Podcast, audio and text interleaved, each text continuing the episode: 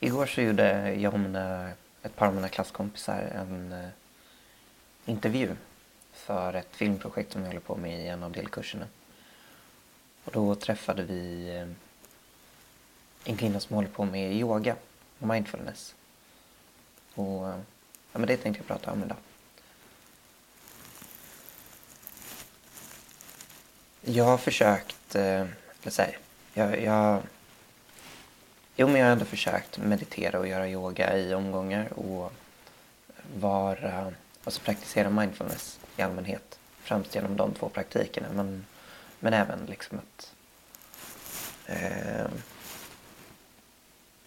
men jag vet inte, vara närvarande när jag är ute och går och bara sätta mig ner och ha tråkigt. Sådana grejer som också som också kan klassas som mindfulness. Och har nästan alltid slutat för att det är för tråkigt och jag tycker det ger mig för lite. Det är väl lite samma som med, med träning. Att den kortsiktiga vinsten är så pass liten men den långsiktiga är så pass stor så att du behöver kunna se den långsiktiga vinsten för att det ska bli värt det. Och det är någonstans den du måste ha i sikte hela tiden. Um, jag menar, börjar jag springa igen nu ordentligt så skulle det vara liksom, det skulle kännas som döden de tre första veckorna. Sen skulle jag börja känna att det känns bra. Pratar vi mindfulness så handlar det om år istället. Ofta. För vissa känns eh, effekten mycket snabbare. Men, eh, men ofta måste man titta mycket längre fram.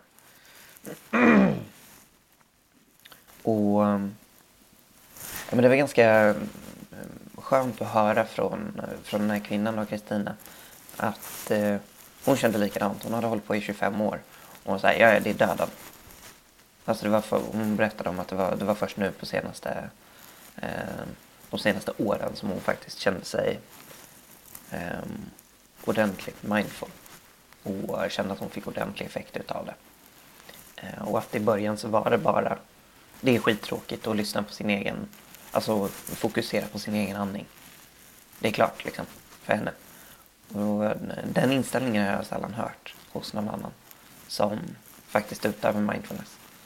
Utan det är de grejer jag har hört är mer så här, ja, åh, det är så bra, jag känner mig så mycket mer eh, energifull, jag känner mig pigg, gladare och jag känner effekterna direkt liksom. Medan jag, men jag gick på hot yoga Eh, två till tre gånger i veckan i en månad och jag har försökt meditera och liksom hållit i sommarrutiner och inte känt att det gett mig någonting. Ehm.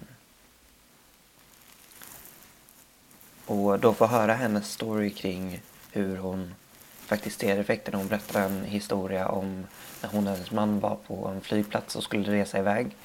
Och hennes man var jättestressad och det var inte hon. Så när, när de går igenom eh, säkerhetskontrollen så glömmer han sin telefon i den här lådan som man lägger av den i. Och kommer på det i taxfree. Och börjar känna. Och så här, shit jag tappar bort min telefon, blir jättestressad. Springer runt till flera sådana här eh, säkerhets... Eh, de här, vad heter de, genomgångarna, passagerna.